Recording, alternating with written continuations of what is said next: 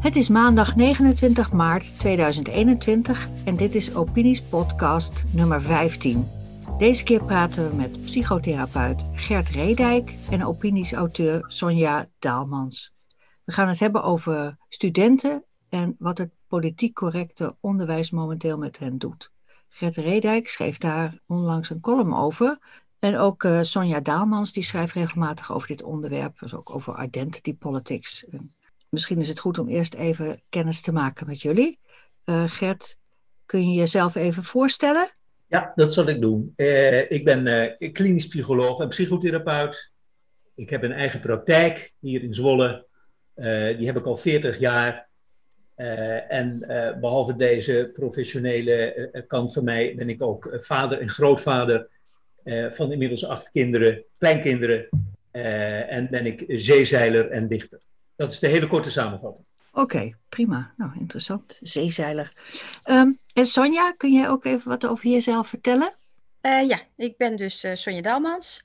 Schrijf regelmatig voor opinies, maar ik schrijf ook voor het Politicum, News in België. Correspondent christenvervolging daar. En uh, daarnaast ben ik masterstudent ehm, theologie, systematische theologie en bijbelse exegese. Oké, een hele mond vol. Goed. Um, Gert, in jouw praktijk werk je onder andere met jonge cliënten, met uh, studenten, denk ik, hè? Ja, onder andere. Ik, ik zie uh, in mijn praktijk uh, mensen van alle soorten, leeftijden en pluimage. Maar ook de nodige adolescenten. Zwolle is een, een stad waar veel HBO-opleidingen zijn. Dus ik zie ook veel, veel adolescenten. Ja, dat klopt. Ja, en je zegt er zijn de laatste tijd opvallend veel jonge mensen die in hun studie vastlopen. Wat is er aan de hand? Nou, wat ik de laatste tijd opmerkelijk vaak hoor, dat is onvrede over het curriculum. Studenten die daarom zelfs stoppen met hun opleiding. Maar ook studenten die, die, die tegen hun zin die, die, die opleiding afmaken en hun mond houden. Maar ook studenten die er zodanig in vastlopen dat ze er depressief van worden en zich daarom uh, melden in de praktijk. En dat is, uh, het onderwijs is natuurlijk altijd wel wat, wat links gekleurd geweest. Daar zijn al, al, al publicaties genoeg over geweest. Mm -hmm. Maar dat is, de afgelopen jaren heb ik een opmerkelijke toename gezien van, van dit soort onvrede. En geldt dat voor specifieke opleidingen? Van, het is natuurlijk altijd een beetje traditie dat in de kunst, de, ja, zeg maar de culturele opleidingen, dat dat altijd wat links georiënteerd is? Ja, ik heb. Uh, uh, maar ik moet daar een beetje vaag over zijn, uh, Jorien, want eh, de, de, privacy is in mijn vak buitengewoon belangrijk. Natuurlijk. dus ik heb in mijn column met name vermeden om, om, om, opleidingen te veel te benoemen. Hm. Maar ik ga er maar vanuit dat het meerdere opleidingsinstituten zijn uh, en uh, Zwolle ligt ook niet zo ver van de Universiteit van Groningen. Dus het gaat om en universiteiten en HBO-opleidingen. Uh, maar wat je zegt is waar in, de, in de exacte vakken. In de, ik, ik, ik, sprak laatst iemand die was geswitcht van een kunstacademie naar een IT-opleiding. En die zei, ja, daar werd nog wel eens gesproken over inclusiviteit. maar dat, was een, dat kwam één keer te sprake en, en niet elke dag zoals op mijn vorige opleiding. Zeg Sonja, uh, die, die thema's waar uh, Gert het over heeft, herken je die? Inclusiviteit niet zozeer. Um, dat, is niet echt een thema wat je binnen de theologie bespreekt. Wat ik wel herken, niet zozeer van mijn eigen opleiding, maar wel binnen het veld, um, is een bepaalde, het, het vermijden van bepaalde onderwerpen. De allereerste keer dat ik hiermee in aanraking kwam, niet zozeer persoonlijk mee in aanraking kwam, hè, maar dat ik iets las over wat er binnen een theologische faculteit gebeurde, uh, was aan Wheaton College in Amerika, waar professor Hawkins uh, op haar eigen Facebookpagina, dus haar persoonlijke Facebookpagina, had gezegd dat wat haar betreft christenen en moslims dezelfde God aanbidden.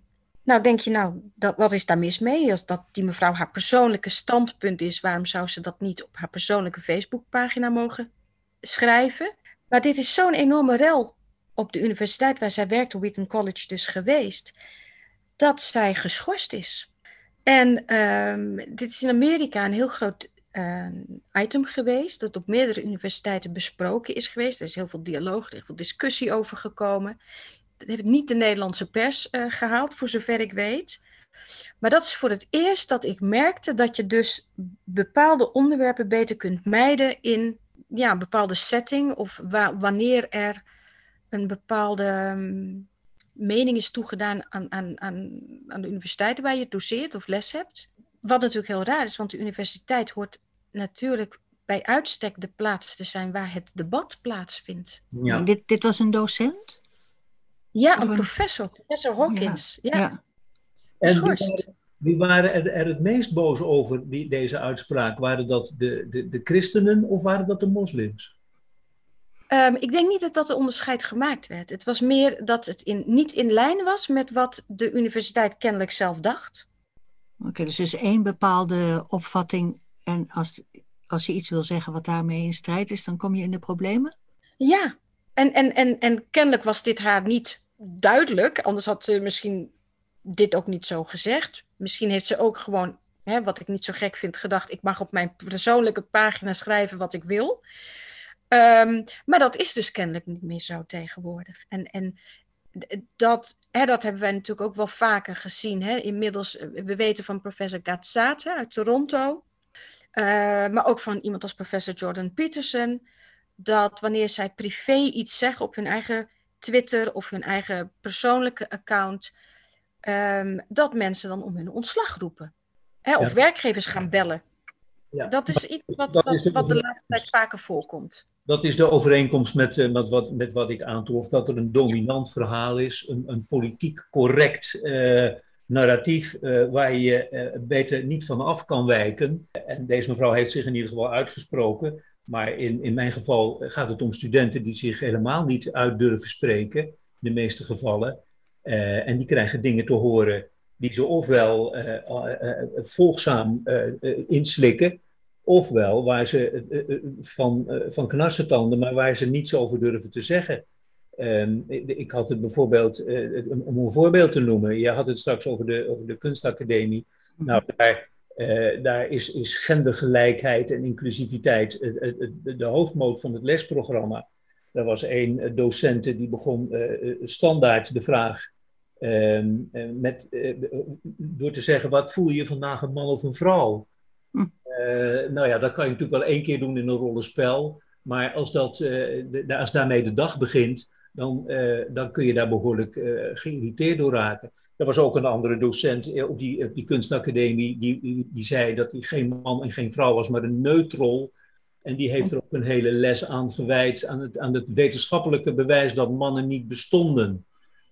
maar die studenten die halen het niet in hun hoofd om rond zo'n onderwerp de discussie aan te gaan.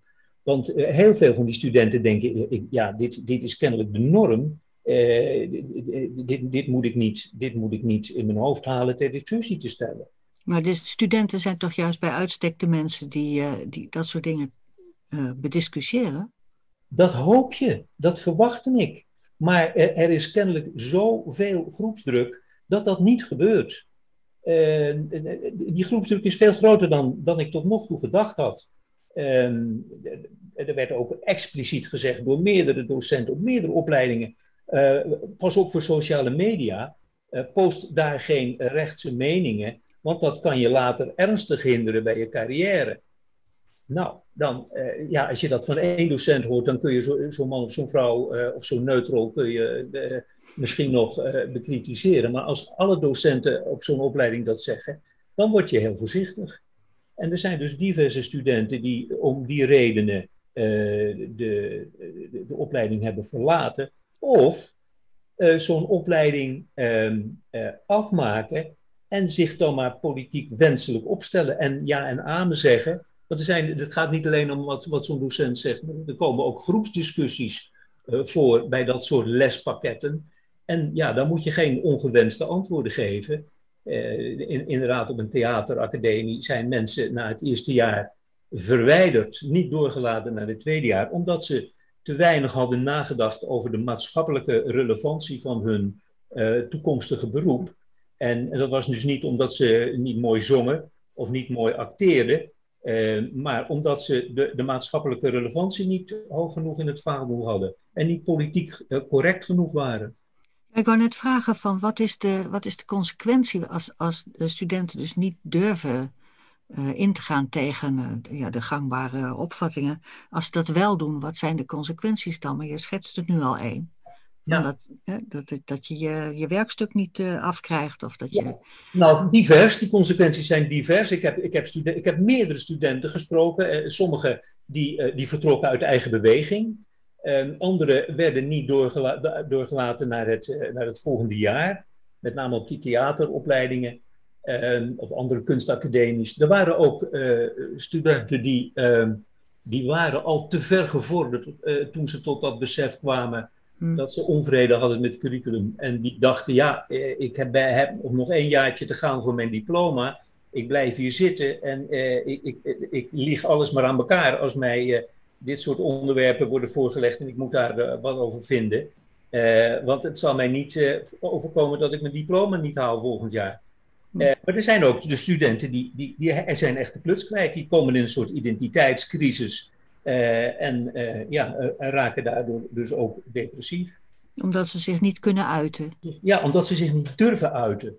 Mm -hmm. en en je, we moeten dus die groepsdwang niet, niet onderschatten.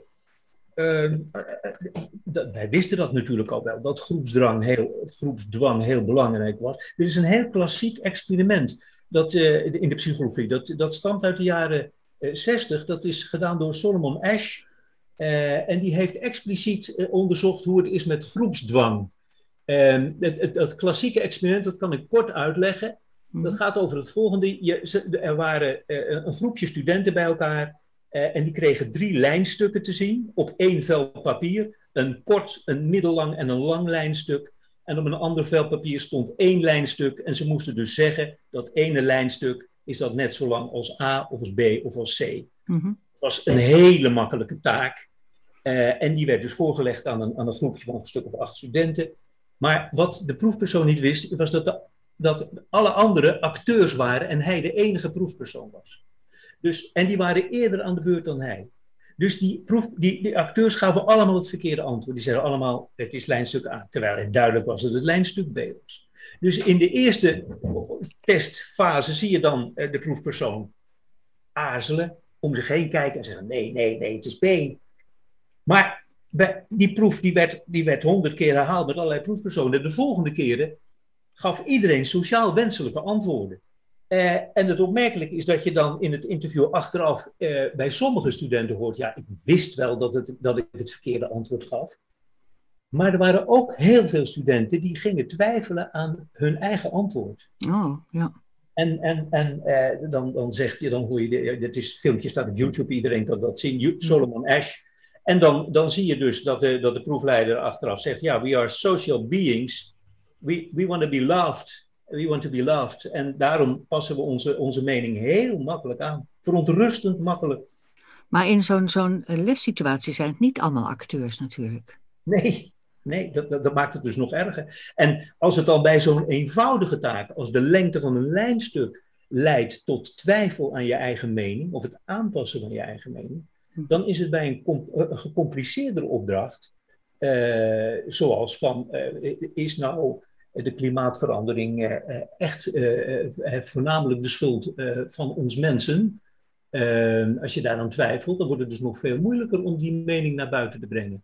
Gaat het over dit soort politieke onderwerpen van ja. klimaat en um, EU of zo? Ja. Of ja, globalisme? Klimaat, klimaat gendergelijkheid, uh, white supremacy, wij zijn allemaal schuldig. Eén docent heeft een, uh, een, een, lessen achter elkaar gewijd aan de verschrikkelijke uh, onderdrukking de afgelopen eeuwen door de man, door de witte man. dus het was een vrouwelijke student, dat kun je natuurlijk wel, je wel voorstellen. Mm -hmm. en dat, nou ja, goed, dat kun je natuurlijk een, een, een keer aanstippen in een, in een vak als maatschappijleer. Maar als je daar wekenlang mee om de oren geslagen wordt, dan kun je je voorstellen wat een onvrede daar ontstaat. Maar ja, heel weinigen hebben dus kennelijk, ja, ik zie ze niet in ieder geval in de praktijk, hebben, hebben het lef gehad om, uh, om op te staan en te zeggen, ja, dat zegt u hier nu wel, Maar daar ben ik het helemaal niet mee eens. Ja. Sonja, waarom zouden die thema's zo dominant zijn? Ik heb geen idee. nee, ik ook niet. Maar uh, het zijn wat steeds terugkerende thema's die uh, gendergelijkheid, uh, diversiteit, racisme, de onderdrukking, white privilege, dat soort termen. Kom jij die ook tegen? Nou, nee, dat heb ik net al gezegd. Dat speelt natuurlijk veel minder bij in de studie theologie. Mm -hmm. um, sterker nog, mijn, mijn um, masterscriptie, hè, waar ik nu mee, mee bezig ben, uh, die gaat juist over um, herstelbetalingen, hè, waar, waar bijeen Sylvana Simons uh, het vaker over heeft. Ja. Black Lives Matter. En um, ik stel daarin in mijn masterscriptie juist de vraag uh, of je zonde kunt overerven. En of je iets, hè, nu iets kunt goedmaken wat twee, drie, 400 jaar geleden gebeurd is. Hmm. En die vraag mag ik gewoon stellen van mijn begeleider. Gelukkig. Mooi. En um, die vindt het alleen maar heel mooi en heel interessant. Dus, dus, hè, dus dat herken ik mi minder. Um, wat ik wel heb gemerkt, ja, ik, ik vond dat zelf nogal grappig. Maar ik weet wel dat ik in een, een, een lessituatie door, uh, toen een, een medestudent erachter kwam dat mijn moeder uit Suriname komt, dat ik toen de hele tijd een oppressed person genoemd werd. Oh ja. ja. Oh. En ik kwam niet meer van het etiket af. Hoe vaak ik ook zei, maar ik ben niet onderdrukt. Ik ben gewoon een oppressed person nou. En ja, ik moet daarom lachen. Omdat ik mij niet onderdrukt voel. En um, dat ook nooit heb gedaan. Zeker niet vanwege mijn afkomst. Maar ja, dat, dat, dat, is, dat taaltje, eh, hè, als, als dat een beetje is waar jij aan refereert, Jorien, dat herken ik wel. Alsof dat een gegeven is, hè? Dat, dat, dat, dat wij in een maatschappij leven van onderdrukten en onderdrukkers. Ja, ja. Ik heb ook wel een af en toe een docent, niet allemaal, maar af en toe ook wel een docent die heel erg de nadruk legt op het feit van ja, dit is mijn mening, maar ik realiseer me dat ik een witte man ben, die, nou enzovoort. Hè? Hmm. Dat dat een soort als inleiding gebruikt wordt. Um, ja, ik laat het altijd maar voor, voor, voor wat het is. Wat ik, wat ik zelf kwalijker vind, is dat er ook wel, en misschien dat dat meer raakt dan wat Gert tegenkomt, hoort in zijn praktijk. Ik heb ook wel eens meegemaakt in lessituaties dat een bepaalde docent zei: Er is hier toch niemand die vindt. Als jij 18 bent, ga daar nog maar eens tegen in. Ja, daar zit al een heel waardeoordeel in. Ja. ja. En dat vind ik eigenlijk kwalijker. Ja. Omdat dat meer echt die druk is hè, van een andere mening mag jij niet hebben. Ja, en dat heeft ons tot gevolg van een leuk voorbeeld wat je geeft, ja, eh, die, die docent die zei, ja, ik vind dit wel, maar ik ben een witte man, dus wie ben ik dat ik dit, uh, dit durf te vinden? Dat verontschuldigen, wat, wij, wat, een, wat een soort uh, virus lijkt te zijn, uh, wijze mea culpa, dat, dat, dat, dat geldt bij veel thema's, ook de de slavernij is zo'n thema waar wij ons eindeloos voor aan zijn aan het verontschuldigen. Terwijl je zou kunnen zeggen, eh, wij kunnen eh, trots zijn op ons uh, slavernijverleden. Want slavernij is van alle eeuwen en van alle culturen. Maar de, de, de, westerse democratieën die hebben dat als eerste aan de kaak gesteld, in parlementen bediscussieerd en afgeschaft. Eh, Engeland als eerste eh, en Nederland een paar jaar later. Dus eh, het, het, is van alle tijden, van alle culturen, en wij hebben het afgeschaft. Maar toch is er, hangt er een deken van schuld en schaamte overheen. en dat is, een, dat is een interessant onderwerp, zeker nou, nou, nou er een theoloog in dit gezelschap is. waar, je zou je kunnen afvragen waar dat, dat gevoel van schuld vandaan komt. Ehm, ik heb een keer gelezen, uh, zonde, erfzonde, schuld is, is heel erg ingebed in het christendom. Maar vroeger was je schuldig en kon je biechten, dan was je je schuld kwijt. nu zijn we allemaal, althans grotendeels, ontkerstend. dus die biecht is afgevallen, maar dat schuldgevoel wat in ons, in ons christelijke uh, maatschappij in ons DNA is gaan zitten, dat schuldgevoel is er nog steeds. Dus dat zou een verklaring kunnen zijn waarom wij ons over van alles eh, en nog wat schuldig voelen. De slavernij, ons, ons koloniale verleden, de VOC, nu over het feit dat we witte mensen zijn. We, we vinden ons uh, overal schuldig over. En ik vind het wel leuk om van Sonja te horen hoe je, of je, hoe je kijkt, aankijkt tegen die theorie dat dat een, een, een postchristelijk verschijnsel is. Ik heb hem vaker gelezen en ik heb hem vaker gehoord. Het is een vrij eenzijdige kijk op het christendom, um, omdat het namelijk maar voor een heel klein deel waar is. De eerste vier, vijf eeuwen voor Augustinus had het christendom helemaal niet iets met um, wat je erfzonde of original sin in het Engels noemt. Um, binnen de orthodoxe traditie, en dat zijn toch 260 miljoen mensen op de wereld, dat vergeet men in het Westen wel eens, is die traditie ook uh, heel anders ontwikkeld. Uh, dus dat is, is, is vast één ding. Hè? Dus het is, wanneer je zegt het is christelijk, realiseer je dan dat er ook buiten de westers-christelijke traditie ook een ongelooflijk groot uh, ander deel van een christelijke traditie is, waar men naar voorbij gaat. Dat is toevallig, nou ja, niet toevallig, maar dat is ook mijn specialisatie, hè, de orthodox christendom. Maar daar zit nog iets anders bij. En dat vind ik wel belangrijk. En het is natuurlijk ook iets waar ik voor mijn masterscriptie mee bezig ben. Omdat dit thema die herstelbetalingen dat daar natuurlijk ook aan raakt. Uh, ja, het christendom heeft inderdaad iets met schuld. In die zin dat, en, en dat is wel een, een, een verschil. Het christendom heeft iets met zondigheid. Dat is de een natuur van de mens. Maar dat gaat niet per definitie over jouw persoonlijke zondes. Dat is de staat waarin de mens is. Dat is het idee. En dat is iets anders. Want het christendom heeft ook bij uitstek iets met vergeving.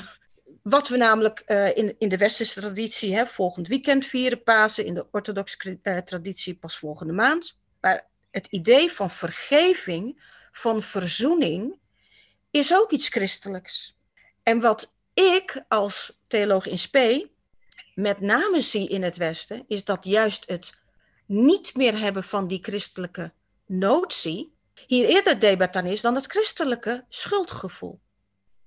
Want het christendom is bij uitstek iets dat ook raakt aan vergeving.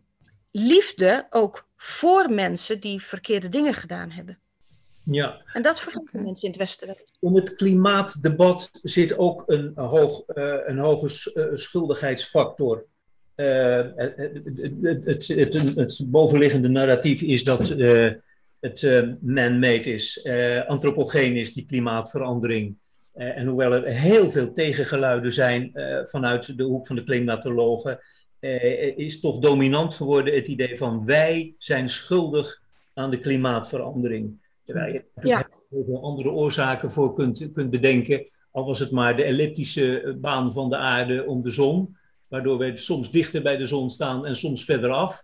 En iedereen weet dat, dat, dat eh, Groenland ooit groen was en dat daar wijn verbouwd werd. En iedereen weet dat er ijstijden geweest zijn eh, ja. en, en, en warmere periodes. En toch is dat, lijkt dat geheel verdwenen te zijn en is nu dominant in het verhaal van wij, zondige mensen, door onze uh, overmaat aan consumptie en CO2-uitstoot hebben, de, hebben veroorzaakt dat straks de zeespiegel eh, 20 meter of 80 meter stijgt.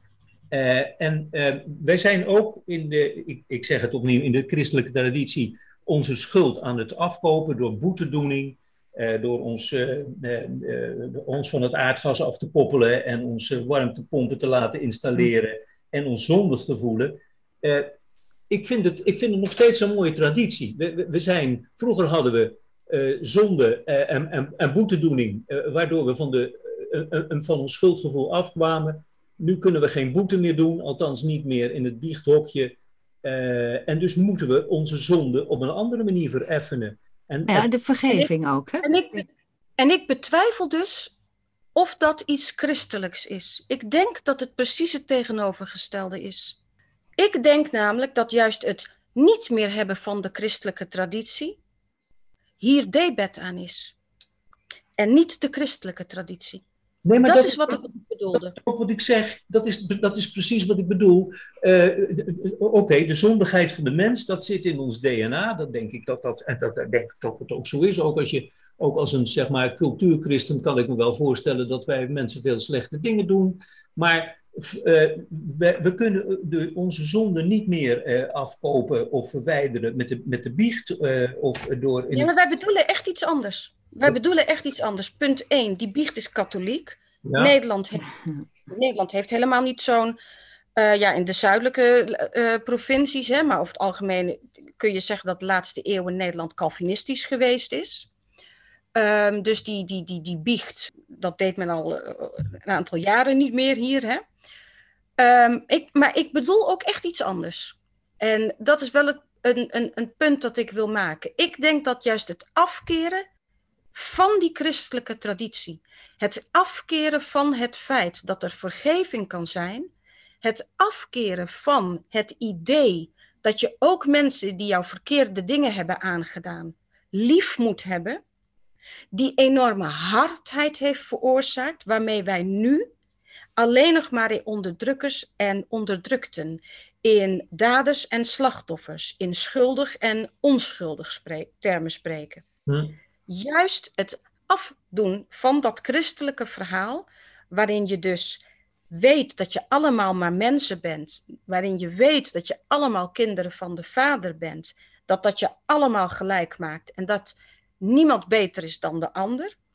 De zachtheid van het christelijke geloof, van de christelijke traditie, om te weten dat ondanks dat je wel eens verkeerde dingen doet, je toch geborgen bent bij die vader en bij elkaar, dat uh, juist daarvan afstappen, dat enorm veroordelende veroorzaakt heeft waar wij nu mee zitten.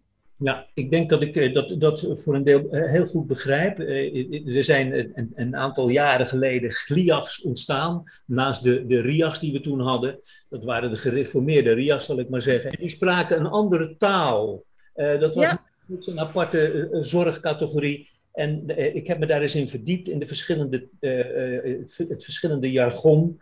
en het woord vergeving, waar jij nu aan refereert, dat was een veelgehoord woord eh, bij die eh, eh, collega's van de GLIARS, terwijl in, in, in, de, in de andere GGZ-instellingen het woord vergeving zelden viel. Daar ging het meer over autonomie en, en zelfbewustheid en assertiviteit. En het woord vergeving was totaal taal verdwenen uit het jargon. ja, dus en, en dat niet alleen, maar we hebben binnen de christelijke traditie natuurlijk ook het idee, hè, wat Paulus schreef in zijn brief aan de Efezes.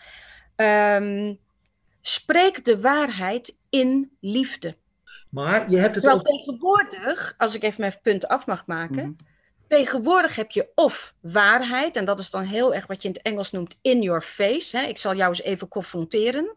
Of we hebben een soort verstoord, wat naar mijn smaak verstoorde eh, band met liefde in het Westen is. Van we stoppen alles onder het tapijt wat onwelgevallig is. Maar niet meer dat idee van we spreken de waarheid in liefde.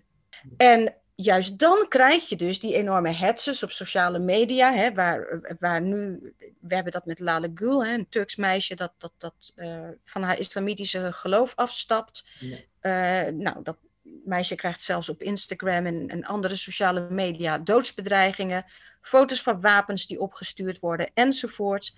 Um, maar je ziet het ook bij politici als Baudet, bij eh, Wilders. Um, Zo'n zo, zo meisje dat in een demonstratie meeloopt en roept: Als je Thierry dood wil schieten, uh, roep dan paf.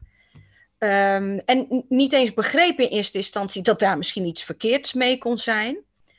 Juist die enorme haat, die padstelling tussen twee kampen die gecreëerd is, die niet meer met elkaar praten uh, ik denk dat dat juist helemaal niets met de christelijke traditie te maken heeft, maar dat het juist het afkeren van de christelijke traditie is die dit veroorzaakt heeft. En dat is, is iets wat de seculiere wereld niet wil weten. Nee, maar dit is dus wat we hebben gezien in, de, in, in het klaslokaal of uh, in de collegezaal. Dat is eigenlijk een afspiegeling van wat we ook in de, in de maatschappij zien. Wat jij net beschrijft, uh, van hoe mensen elkaar in de haren vliegen en er geen ruimte meer is voor in liefde. Ja naar elkaar luisteren. Dat gebeurt natuurlijk nu ook op school of op de universiteit Precies. of in de HBO. En Ik kan me nog herinneren van Thierry Baudet, als jullie dat nog weten, dat hij in Leiden aan de universiteit was uitgenodigd. En dat notabene de 18, 19-jarige studenten daar vriendelijk aan hun docenten moesten verzoeken meneer Baudet uit te laten spreken, omdat de docenten zo'n kabaal door verhaal Ah, ja. maakten, Mhm. dat studenten niet eens meer naar hem konden luisteren. Nou, het, het En werkelijk een herhaling van de geschiedenis. Eh, Ik ben een, eh, ik ben een babyboomer, een, eh, een vroege babyboomer. Dus ik kwam op de universiteit in 1968. Mhm. Ik was een, een HBS'er die net uit de provincie kwam. En ik herinner mij dat mijn allereerste college werd verstoord door Marxisten. De hoogleraar had Oh, het spreekgestoelte beklommen. eh, ging vertellen wat de literatuurlijst voor dat jaar zou zijn. En toen klommen er zeven langharige eh, jongelui op het podium, ontnamen hem de microfoon, verkondigden aan de 200 eerstejaars dat dit een eh, reactionaire literatuurslijst was, verscheurden het voor de ogen van de verbouwereerde professor en kwamen met een, een marxistische literatuurlijst uit de Frankfurter Schule. Eh, dus Oh. wat er vandaag de dag gebeurt is niet, is niet veel anders dan er toen gebeurde.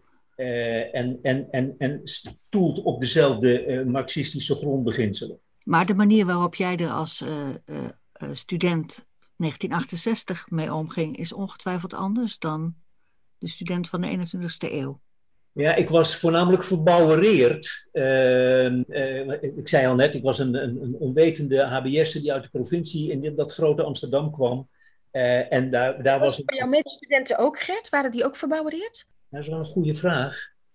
Eh, maar ze waren, als ze, er waren er vast een heleboel ge- verbouwereerd. Maar die hebben toch ook hun geluid niet laten horen. Want het was het jaar van de, van de maagdenhuisbezetting. Ja, ja. Eh, en daar ging iedereen in mee. Er waren demonstraties op straat. Het maagdenhuis werd bezet. De, de, de hoogleraren werden uit hun kamers gehaald. De boeken werden uit de ramen gegooid. Ik herinner me nog dat, dat rector Magnificus Belinfante eh, smeekbeden deed van zullen we met elkaar om tafel. Eh, maar de- de- deze, deze nieuwe generatie die had zo de wind mee en meende er recht van spreken te hebben. Eh, want de vorige generatie had eh, de wereld verknoeid, had eh, twee wereldoorlogen veroorzaakt, had geen recht van spreken. Ze werden massaal de mond gesnoerd eh, en ik zag weinig oppositie daartegen.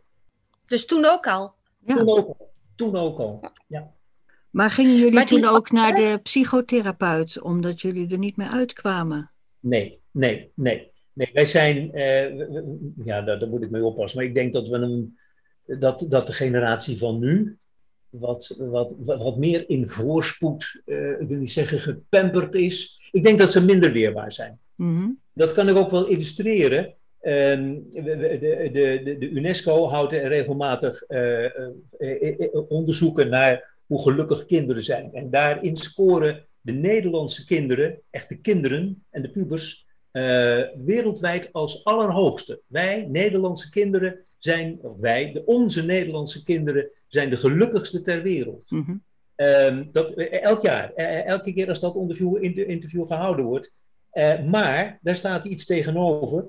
Eh, als, eh, als twintigers eh, scoren wij heel hoog in de depressie. En je zou je dus kunnen afvragen wat, wat, de, wat de correlatie is tussen zo ontzettend gelukkig zijn als kind en waarom je als, als jong volwassene tegen zoveel angststoornissen en depressies aanloopt. Misschien is het helemaal niet fijn om zo ontzettend gelukkig eh, op, op te groeien. Mhm. Eh, maar misschien is het helemaal niet fijn om elke dag naar school gebracht te worden als het regent, eh, omdat je daar dan te weinig weerbaar van wordt. Dus als we kijken naar waar we, waar we het nou over eh, gehad hebben, eh, is dan de vraag: ligt het aan het onderwijs of ligt het aan deze generatie? Nou, ik, ik, ik, ik denk dat het eh, beide is, maar ik denk dat het ook een ontwikkeling in onze maatschappij is. Ik wist niet wat Gert vertelde, dat dat dus in zijn tijd op universiteiten ook al speelde. Maar ik, ik, ik, ik denk, maar dat moet Gert mij maar verbeteren, maar ik denk dat die agressie die je nu ziet, dus echt foto's van, van, van wapens opsturen naar iemand, mensen hun ontslag eisen. Ehm, wanneer iemand iets zegt wat jij niet wil, dan, dan de werkgever bellen. Hè, dat soort dingen. Um, Die cancelcultuur. Dat, ik, ik denk mhm. dat, dat dat een betrekkelijk nieuw fenomeen is, of heb ik het misgered? Nee, de agressie is zeker, uh, is zeker groter geworden. Uh, links is buitengewoon onverdraaglijk, met name links. Ook, ook rechts zegt op Twitter hele nare, lompe, botte dingen. Maar de, de, de onverdraaglijkheid van, van links is, is ongelooflijk. Ik, ik, ik ben in, in, in, in 2017 ben ik kandidaat voor de Tweede Kamer uh, geweest uh, en woordvoerder uh, gezondheidszorg voor Forum een, een, een tijdje. ik werd onmiddellijk op, op Kafka gezet. Dat is een website die het land meent te moeten waarschuwen voor extreem rechtse typen. Mm. Mm-hmm. nou, dat, ik was perplex dat ik, dat ik zo werd aangepakt. En dat is bijvoorbeeld vergelijkbaar met nou ja, met, met, met, met deuren bekladden en, en, en, en, en stickers op mensen hun auto's doen en, de, en, de, en de, de taal op sociale media, die is buitengewoon agressief. Dat, is, dat, dat was in de 60 jaren zeker niet van die naar. En daar spelen waarschijnlijk de sociale media wel een grote rol in, denk Ja, want, want, want dat denk ik dus ook. En, en het voorbeeld wat ik aanhaalde hè, van Wheaton College in, in, in Amerika, die professor Hawkins, die um, dus zei van ja, wij aanbidden dezelfde God um, binnen het christendom en de islam. Ja, je zou denken op dat moment dat dit een heel interessant academisch onderwerp is, hè, om met elkaar over in debat te gaan. Ja. Ja. Maar wat je tegenwoordig juist ziet, is mijn mening, is dat het debat juist uit de weg gegaan wordt en het alleen nog maar is aan um, duidelijk te maken bij welke kant je hoort. Ja, ja, precies. Want, eh, zeggen de Marxisten, waarheid en objectiviteit bestaat niet. Het gaat in de wereld alleen op, om macht. Uh, en identiteit is gebonden aan de groep waartoe je behoort. Uh, ja. Blanke heteromannen staan aan de top van de onderdrukkers. Uh, dus dat is het, dat is het, het jargon van het marxistische gestaalde kader. En daar is heel moeilijk mee te debatteren. Dus. Dan zou je namelijk elkaar kunnen leren kennen. Dan zou je kunnen, hè, wanneer je echt een echt debat hebt, um, inhoudelijk debat, dan, dan zou je nader tot elkaar kunnen komen. Maar ik proef een beetje uit de manier waarop het tegenwoordig gaat. Uh, zeker heel vaak uh, publiekelijk, hè, dat het bijna alleen nog maar nemen en, en shamen is. Ja. En dat het nog maar weinig überhaupt de, de wil er is om nader tot elkaar te komen. Ja, en dan kun je dus zeggen dat die fixatie op identiteit en die woke-cultuur een splijtswam is in, in, eh, in de samenleving. En dan zijn we toch ook een beetje bij wat Sonja net zei, dat het onderwerp vergeving en mildheid, dat is wel heel ver buiten beeld verdwenen. Ja, want wat zijn nu de consequenties van, van, uh, van wat er gebeurt? met de jongeren in de, op de opleiding. Van dat ze niet zich durven uit te spreken. Dat er één bepaalde dominante uh, ja, geluid is te horen. Dat docenten daar zelfs een, een, een soort missie hebben om dat mee te geven aan die kinderen. Wat zijn de consequenties daarvan? Nou, ik weet niet hoe Gert daarover denkt, hoe hij dat ziet vanuit zijn vak. Maar wat ik er heel um, ja, toch wel benauwend aan vind, is dat wanneer jij leert, je, uh, wanneer je leert op zo'n jonge leeftijd al je te conformeren naar de heersende moraal, mhm. dan kun je misschien nog denken, nou ja, als ik van deze opleiding ben, dan zeg ik wel wat ik zelf denk. Maar dan zit je al in dat patroon hè, van, van een stapje opzij doen um, om in de smaak te vallen, om het juiste te zeggen, zodat je geaccepteerd wordt. En ik vrees dat je dat dan een, een, een, een patroon ontwikkelt, uh, wat helemaal niet meer zo makkelijk ook na je studie af te schudden is. Nee, um, de, de, de, de reacties zijn divers, maar ik denk um, twee grote stromingen. ik denk dat er ehm, boosheid is, dat zijn de weerbare mensen, de sociaal betrokken mensen. Maar dat er een grote groep studenten is die apathie ontwikkelen uh, zich afkeren van politiek en maatschappelijk debat. Dat is een groep. Uh, die, die, dat, dat zijn de hedonisten die roepen van uh, politiek is gedoe. bemoeien me er niet mee. Die gaan naar, naar festivals en die keren zich af van, van alle maatschappelijke debatten. En er is een groep die gaat mee in dat bovenliggende narratief van de woke-cultuur. En die gedragen zich als schapen en die worden zelfs zendelingen van, van deze woke-cultuur. Zeg maar de, de docenten, de VN noemt docenten ook change agents. De, de hm. VN is uit op een uh, globalisering en uh, die zien docenten als de sleutelfiguren naar een, uh, naar een nieuwe wereld, naar de build back. back, back mm -hmm. Ik kan het bijna niet uit mijn mond krijgen. docenten zijn change agents en hebben dus een hele belangrijke sleutelpositie en hebben eh, slagen er ook in, zijn heel succesvol. In, in de propaganda van, uh, van het Derde Rijk uh, werd de, de, de macht van de media natuurlijk ook al goed gezien. Goebbels zei, geef mij de media en ik verander het volk in een kudde schapen. Mm -hmm. nou, nu hebben we niet uh, één persoon die de media aanstuurt, we hebben nu heel veel change agents. En we hebben een grote kudde schapen. Jij schetst nu drie soorten of drie verschillende uh, consequenties. Sommigen worden boos, anderen die, uh, die hebben van I only live once en ik ga gewoon genieten en ik ga niet meer over nadenken. En de derde groep die gaat mee in het narratief. Ik neem aan dat jouw hoop gevestigd is op de eerste groep. Dus dat is zeker, dat heb je helemaal goed gezien. Dat is een kleine groep, dat is natuurlijk altijd wel een kleine groep geweest. Er zijn altijd mensen die gedacht hebben, après nous le déluge. En er zijn altijd schapen geweest. Ja. En, eh, en, en, en, we moeten het hebben van de mensen die, uh, die, die uh, um, zo vrij zijn om een eigen mening te hebben. Um, dare to be different. Dat zou een schoolvak moeten worden. Ja. dare to be different. Durf anders te zijn, durf een eigen mening te hebben. Dus het is niet alleen de consequentie voor de mensen persoonlijk, maar ook voor de maatschappij. Ja, grote consequenties. Ja. ja met, met dat verschil dat dat we dus nu groepen hebben, supranationale organisaties, die zijn uit op een, een nieuwe wereldorde. En die hebben natuurlijk wel alle middelen om, om propaganda te bedrijven in die richting. De, de budgetten, de PR-budgetten van, eh, van, de, van, de, van de EU zijn gigantisch. De schoolboeken die op de markt komen, die zijn niet zonder de, de goedkeuring van de EU. Ja. Uh, dan, dan reis je de haren te bergen. Uh, ik las laatst een schoolboekje, daar stond in Floyd Floyd is vermoord door de politie uh, omdat hij zwart was. Dat staat mm. letterlijk zo in een schoolboek, wat, ik heb er een screenshot van gemaakt. Floyd is vermoord omdat hij zwart was. Ja, dat is natuurlijk ver bezijden de waarheid. Ja. Het was een bekende crimineel, hij handelde in drugs, hij had toch gewapende overvallen gedaan. Uh, hij was waarschijnlijk stoned toen hij werd aangehouden en hij verzette zich in hevige mate. Dat is de reden dat hij, dat hij is doodgegaan. Oké, okay, het is een bedrijfsongeval, het is ongelukkig, maar het is een falsificatie van de werkelijkheid als je in een schoolboek schrijft. Floyd is, uh, is uh, overleden omdat hij, omdat hij zwart was. Dus het onderwijs is ook waarschijnlijk ook al vanaf de jongere leeftijd doordrenkt van het narratief, zal ik maar even zeggen. Ja. Het Build Back Better narratief. Ja. Kan, kunnen we er nog wat aan doen? wat moet er gebeuren? Kunnen wij nog wat doen? Ja, ehm, ik, ik er zijn, er zijn mensen die steeds meer, minder vertrouwen hebben in, in de overheid. Uh, en die geloven dat het verzet op een andere manier moet worden georganiseerd.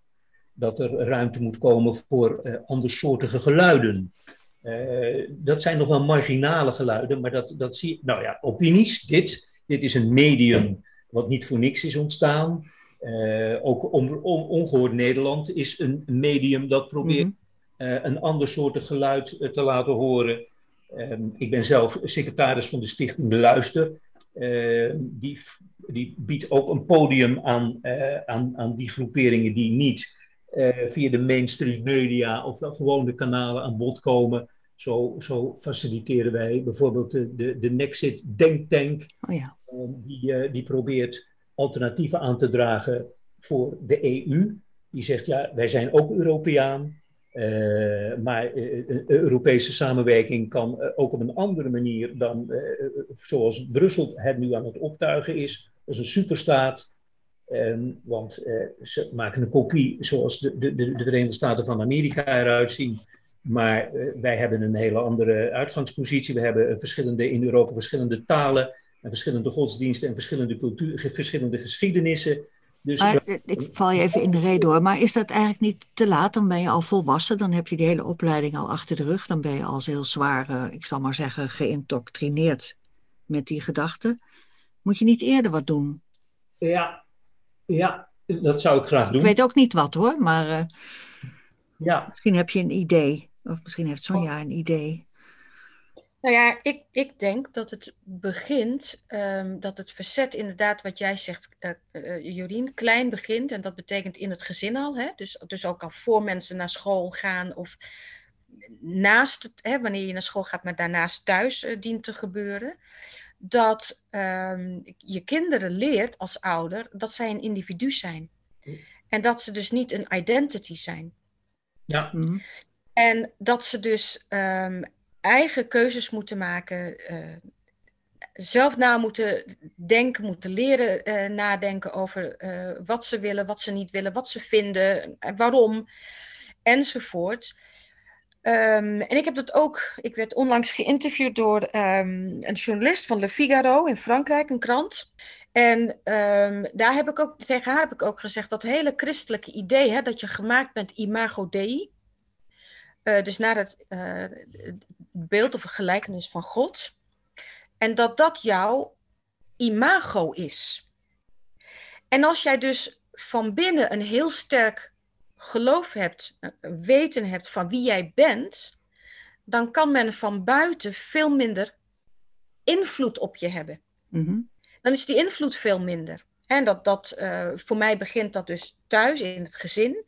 Voor mij begint dat ook bij het geloof ben nou eenmaal theoloog, mm beleidend, hè, christelijke theoloog. Maar ik denk dat het daar begint, bij hoe je naar jezelf kijkt, hoe je naar jezelf leert kijken. En um, waarom ik op dat imago Dei kom, is ook omdat daarin, binnen dat christelijke geloof, juist dat die individuele relatie met God zo belangrijk is.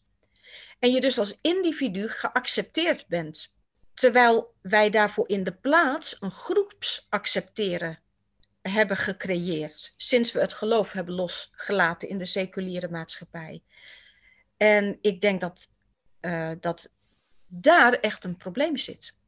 Ja, ik ben weliswaar geen beleidend christen, Sonja, maar ik, eh, ik kan een heel eind meegaan met deze gedachte. Uh, dat, het, dat we nu heel erg tot een groep behoren. We zijn of schuldige witte mannen of slachtofferende verslachtofferde zwarte vrouwen. Uh, en dan, dan verdwijnt het individu. En het is natuurlijk buitengewoon belangrijk om je eigen identiteit uh, boven water te houden. Uh, vooral om, om, om, je kunt je naaste pas lief hebben als je van jezelf houdt. Mm -hmm. dus je moet, je, moet, je moet eerst je eigen identiteit helder hebben. En als die verdwijnt in een groep, dan komt dat in het gedrang.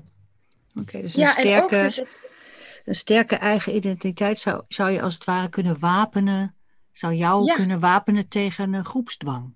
Ja, ja en ook het, het, uh, dan blijft het nog niet leuk als je er niet bij hoort. Hou mm. me te goede, hè? dat zal Gert ook be, be, bevestigen. Maar het wapent je wel, denk ik, tegen wat Gert schetst uit zijn praktijk. Namelijk dat je zelfs je eigen mening bijschaaft. Hè, de, de, de, lijn A of lijn B. Want dat is natuurlijk wat we hier zien. Er is een, een, een, een, een, een geweldige rant ooit van Bert Brussen op, op, op de TPO-podcast geweest, die me nog heel helder voor de geest staat. Namelijk over beste reizigers in plaats van uh, goedenavond dames en heren in de trein bij de oh, NS. Ja. Wat zou er mis mee zijn? Hè? Gewoon vriendelijk, wellevend willen zijn. Dat je denkt, nou, er kunnen mensen gekwetst zijn als ik meneer of mevrouw zeg. Dus ik zeg nu beste reiziger. Maar wat je eigenlijk daar doet, is mensen dwingen hun eigen waarneming in twijfel te trekken. Jij ziet een man, denk je, maar dat mag jij niet zo waarnemen. Ik, ik denk dat het, dat het dus nog verder gaat dan alleen een eigen mening hebben. Ja. En um, ik, ik denk dat hè, wat jij dus zegt over die, of het nou lijn A of B is, in dat, dat voorbeeld wat jij aanhaalde van die, van die test uit de jaren 60, dat dat niet alleen meer is je eigen mening, maar het twijfelen zelfs aan je eigen waarneming. Mm -hmm. En dan krijg je wel een hele verstoorde relatie met de werkelijkheid ook. Kijk, het is, we, hebben, we hebben altijd, we hebben niet alleen mannen en vrouwen gehad, maar we hebben ook in, in, het, in, het, in de afgelopen decennia wel transgenders gehad. Dat is, een, dat is een bekend fenomeen. Die waren zeer spaarzaam. Ik heb in 40 jaar, geloof ik, twee keer iemand in de praktijk gehad die, die was transgender. Uh, maar de, de, de, laatste, het laatste jaar, de laatste twee jaar, hebben we niet alleen uh, transgenders tussen de mannetjes en de vrouwtjes. We hebben uh, wel 32 geslachten inmiddels. Ja. Ik weet niet of het jullie is ontgaan of niet, maar het wordt gepromoot in de media, in de linkse media, om Ehm, ehm, eh, na te gaan of je misschien niet een bigender bent, mhm. of een neutral, of een demigirl, uh, of een intergender, of een demiboy, of een androgyn. Er zijn er 32. Ik heb hier een, uh, ik heb hier een, uh, ik heb het even uitgeprint. Ik dacht dat we misschien nog zichtbaar waren. Ik heb hier 32 geslachten. Je wil het niet... En er zijn er nog meer. En oh, counting. Ja, en counting. Oké, okay, still counting. Oké. En, en ik heb me dus afgevraagd hoe het nou komt eh, dat juist in dit decennium, in dit tijdsgewricht, deze stoornissen, ik vind het stoornissen, uh, de kop opsteken. Kijk, ieder, ieder tijdsbeeld heeft zijn eigen stoornissen. Hè? In het Victoriaanse tijdperk uh, vielen, de, vielen de dames regelmatig flauw. Hè? Ja. ja uh, zeker als ze iets bloot zagen. Zeker als ze blote mannen zagen. De, de, als, bij bosjes vielen ze flauw in die tijd. En een, een beetje galante man had altijd wat vluchtzout bij zich. Want je, je kon er vergif op innemen dat er, dat er iemand flauw viel die dag. Dus dat was in het Victoriaanse tijdperk, eh, eh, tijdperk eh, zeg maar, de, zeg maar de, de pathologie. Eh, toen ik pas psycholoog geworden was, waren de anorexia's eh, veel voorkomend. De meisjes kregen veel schoonheidsidealen in beeld. Twiggy was, was overal te zien. Meisjes wilden slank zijn. En dus ontstond de, de anorexia als stoornis. Nu hebben we deze, ik vind het een stoornis. Hè? Het is prima als je, als je zegt van ik ben transgender, ik ben eigenlijk in een, in een man of in een vrouwenlichaam geboren en ik wil, dat kan nog. Maar dat er, nou jij zegt 72 soorten geslachten zijn. Hoe komt het dat juist in deze tijd er zoveel geslachten worden gezien, gepromoot? Uh, VPRO Tegenlicht heeft daar een keer een, een, een, een hele avond aan gewijd. Het was, was bijna, je, je, kreeg bijna het gevoel dat je abnormaal was als je nog jezelf gewoon een man of een vrouw voelde. Je moest echt nagaan of je toch niet, nou ja, iets mhm. uit, uit dat brede palet was. En ik denk dat, eh, eh, dat het verband houdt met gelijkheidsideologie. Nou ja, dat is ook wat men doet natuurlijk. Hè? Door, door van mensen die dus um, zich man of vrouw voelen en zich tot iemand van het andere geslacht aangetrokken voelen, om die mensen ook in zo'n hokje te duwen, namelijk de cisgender. Waarmee het dus niet alleen maar zo is, ik steek anders in elkaar, nee, maar ook mensen die dat niet doen, moeten zich conformeren aan een bepaald label of etiket. men heeft tegenwoordig het, gebruik om op je visitekaartje uh, te zeggen of je aangesproken wilt worden, met welke pronouns je aangesproken wilt worden. Dus dan moet ik zeggen Sonja, uh, zij en haar. hmm. Zodat jij weet dat je naar mij kunt refereren als zij. Oh, ik, loop, um, ik, loop, hopeloos achter met mijn visitekaartjes, hoor ik. Ja, ja, dat is heel jammer, maar dat heb je in een, in, in een korte middag heb je dit geregeld natuurlijk. Maar uh, alle gekheid op een stokje. Het heeft denk ik dus alles te maken met die identiteit, met die eigen individuele identiteit. En met, met waarneming. Hoe je jezelf waarneemt is belangrijk in hoe je de rest van de wereld waarneemt en tegemoet treedt. En met de gelijkheidsideologie, Sonja. Want kijk, eh, het is, het, mensen vinden het onverdraaglijk als een ander iets heeft dat jij niet hebt. Uh, er zijn lelijke en, en, en, en, mooie mensen, er zijn slimme en domme mensen. Dat is onverdraaglijk. En dan zijn er, en nou kun je, nou, nou, sommige met plastische chirurgie kun je wat mooier worden. Uh, en van, van je domheid kun je afkomen door te zeggen: ja, maar jij hebt. Uh, jouw vader had een boekenkast, dus jij kon naar de universiteit. Het ligt niet aan mij, het ligt aan de voorsprong die je had. Uh, maar van het verschil tussen man en vrouw kun je nooit afkomen. En het is onverdraaglijk voor sommige mensen dat die verschillen er zijn. Hm. En als je nou 72 grijs tinten bedenkt tussen, tussen de extreme mannetjes en vrouwtjes, dan poets je die ongelijkheid, die, die onverdraaglijke verschillen tussen de mensen weg. En dat heeft te maken met de dominante gelijkheidscultuur. Wij moeten allemaal gelijk zijn. Nou, dat is een mooie analyse, denk ik. En het is misschien ook een mooie analyse om dit gesprek zo zoetjes aan mee af te ronden. Het zijn hele interessante onderwerpen die voorbij komen, van, uh, ja, van jongeren naar groepsdwang, naar christendom, naar uh, schuldgevoel, naar gelijkheidsideologie. En um, nou, het is goed om uh, daar eens zo uitgebreid uh, over te spreken. Ik wil jullie hartelijk bedanken voor dit gesprek. En uh, nou, ik hoop jullie binnenkort weer eens te spreken. Oké. Okay. Graag.